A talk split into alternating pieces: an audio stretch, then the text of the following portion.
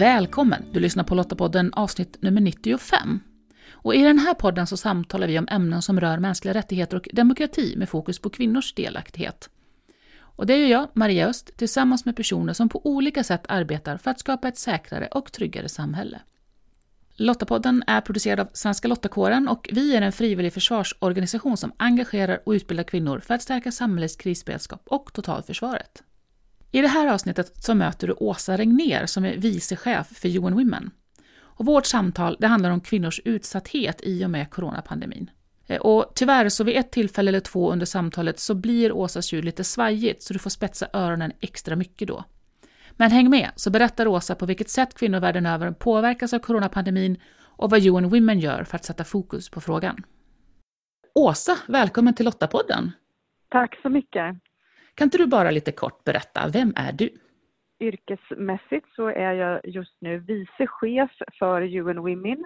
Jag är, det är FNs organ för jämställdhetsfrågor. Jag är placerad i New York genom det. För två år sedan avgick jag som Sveriges jämställdhetsminister och också minister med ansvar för socialtjänstfrågor, barns rättigheter och annat. Och jag avgick för att jag hade fått det här jobbet. Jag hade ett drömjobb och, drömjobb och gick till ett drömjobb. Men jag har jobbat hela min eh, yrkeskarriär kan man väl säga med jämställdhetsfrågor i nationella och internationella sammanhang. Mm. Och eh, för övrigt är jag en springande tonårsmamma som försöker läsa böcker när jag har tid. Mm. Men du, jämställdhetsfrågan, varför har det varit viktigt för dig?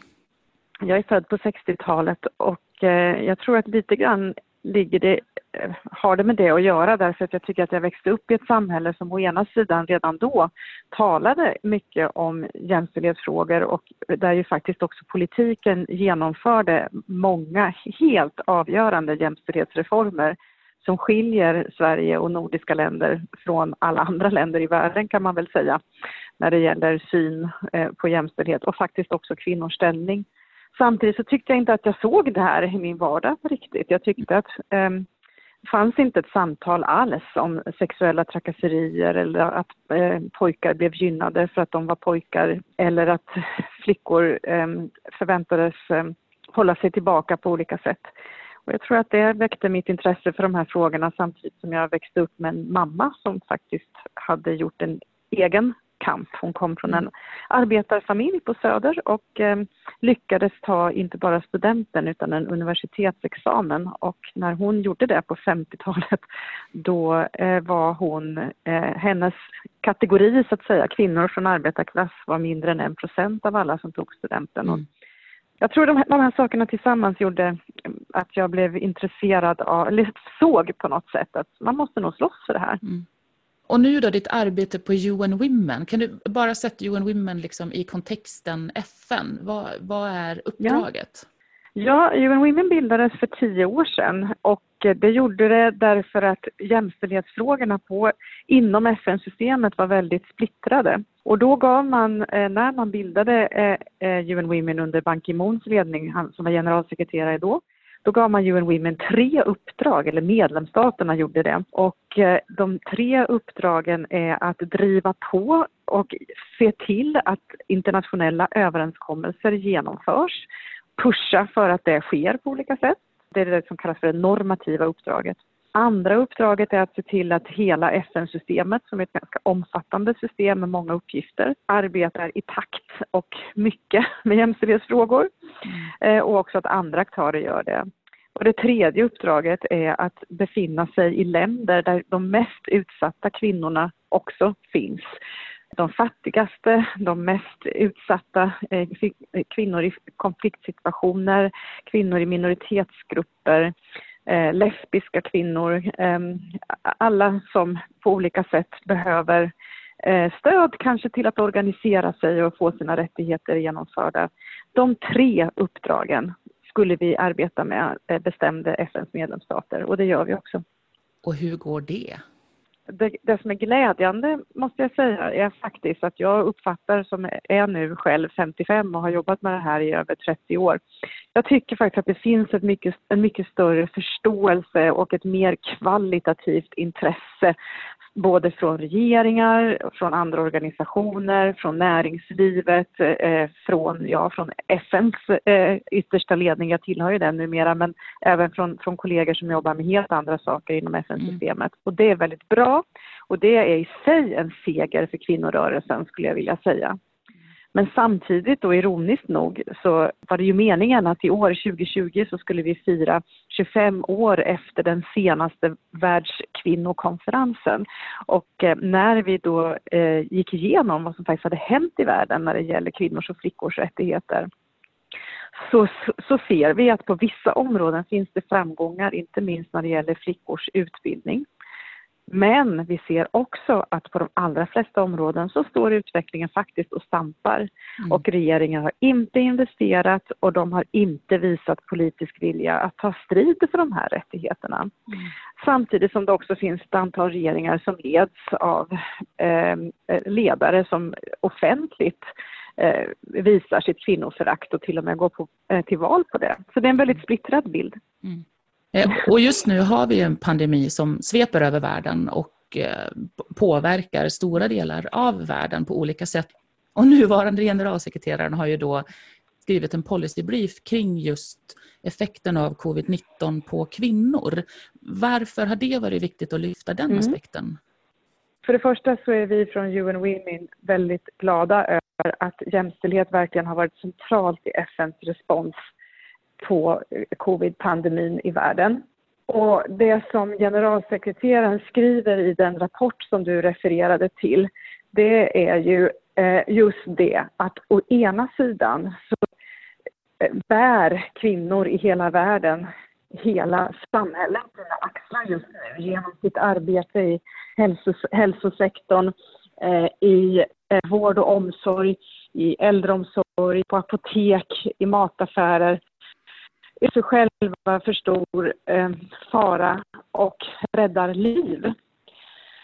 Samtidigt, och kvinnor visar verkligen sitt ledarskap och sin uthållighet efter just de här jobben är, de, eh, är underbetalda mm. i alla kända samhällen.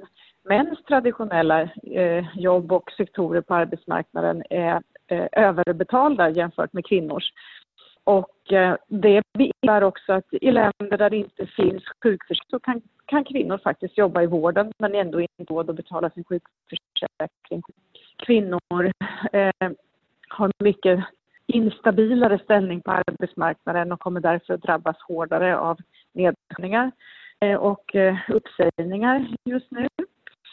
I tider av isolering och där folk mer eller mindre tvingas att leva tillsammans i en våldsam och dålig relation ökar risken för våld och det ser vi dessvärre i stor utsträckning. Och vad tänker UN Women och FN då i stort? Att hur kan vi verkligen jobba mot att försöka eh, förebygga och förhindra att kvinnor just blir så utsatta? Jag tycker en stor uppgift för UN Women är att föra dialog med medlemsstater så att de ökar kvinnors, eh, man kallar bargaining power på, på engelska, så att kvinn, värdet av kvinnors arbete eh, uppvärderas eh, efter den här krisen när man faktiskt har sett hur ounderligt kvinnors bidrag är till ekonomier och till samhällen. Mm. Vi kan också, och det gjorde generalsekreteraren som hade en särskild appell om våld mot kvinnor, uppmärksamma det här problemet det är en ansvar att inte ge sig på kvinnor. Men om det ändå händer så måste förstås kvinnor skyddas och eh, stödjas i den situationen och då finns det olika exempel på det.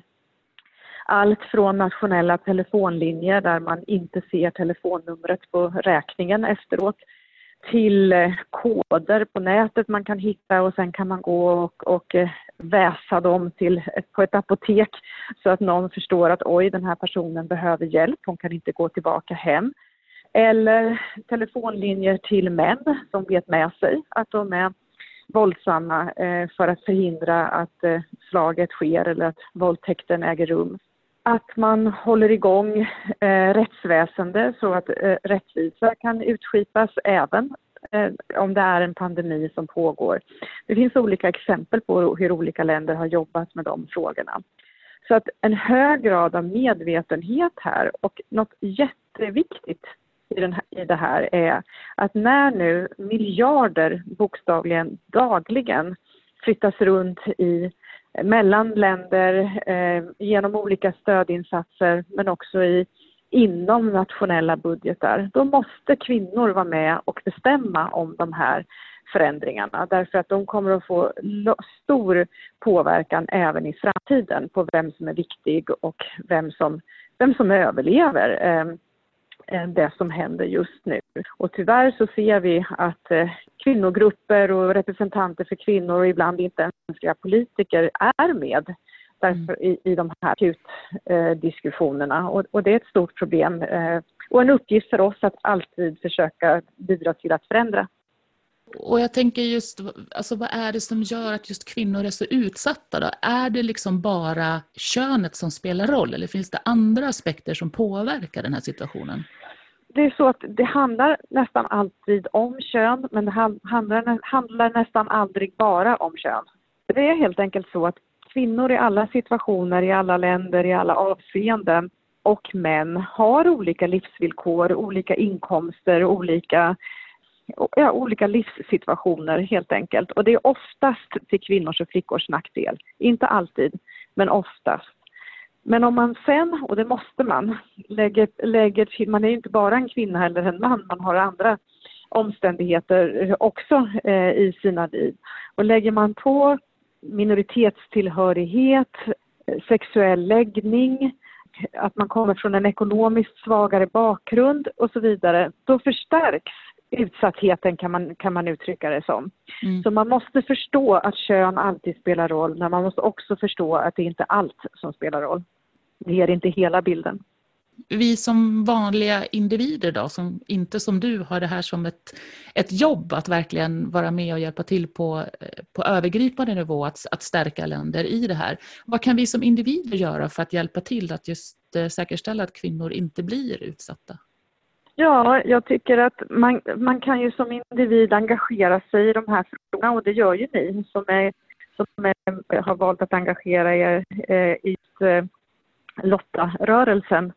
Ni brukar ju också vara väldigt aktiva på kvinnokommissionen vi tyvärr fick ställa in eller åtminstone skjuta upp i år eh, och i andra sammanhang. Så att jag som enskild eh, Eh, medborgare i ett land, jag kan ju välja att engagera mig i en organisation som jag tycker verkar bra.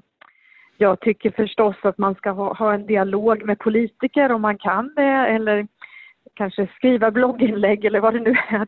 Nu förstår man, alltså i och med att ekonomin drabbas så hårt i många länder eh, så måste ju förstås många givarländer eh, inskränka eh, olika, eh, måste spara pengar på olika sätt. Men att helst inte spara de som redan är de mest utsatta eh, är väl viktigt. Ett sådant budskap, om man vill föra fram det på olika vis, det tycker jag är bra. Det är någonting man kan göra diskutera det, vara medveten om det och så. Och jag tänker också att ni som har kontakter med flickor i många länder, unga kvinnor, något vi är väldigt oroliga över, där finns ett arbete med Unicef och med andra FN-organ, det är ju att vi vet tyvärr att flickor lämnar skolan mycket mer sällan än pojkar kommer tillbaka till skolan. Mm. Och så som det är just nu så är faktiskt 90 procent av alla elever och studenter som det går till en fysisk skola i världen. Och hälften av dem, bara har till, eller lite mer hälften bara, har tillgång till, till nät. Det vill säga väldigt många har otroligt dålig tillgång till utbildning just nu mm. och vi är väldigt oroliga att just flickor aldrig kommer tillbaka. Mm. Och om man då på olika sätt kan ställa krav, ställa frågor om det här, driva kampanj och så, det, det är väldigt, ett väldigt viktigt område där jag tror att ni kan nå många också. Så vad ligger närmast för, för dig och UN Women nu just i de här frågorna? Vad händer framöver? Eh, FN har ju eh, arbetat väldigt hårt med eh, olika former av svar på den här krisen därför att redan utsatta människor blir ju ännu mera utsatta. Mm. Eh, och därför så har vi då, FN har svarat med en humanitär, eh, ett humanitärt arbete, alltså det som kommer allra först i en kris som gäller inte minst hälsosektorn som ju ja, är sönderslagen i till exempel konfliktländer redan. Mm. Eh, och, och, att på olika sätt försöka stödja där. Nu är det mer en fas av det man kallar för socioekonomiskt svar, alltså att man går in just i det här, vem får del av de medel som kanske fördelas om?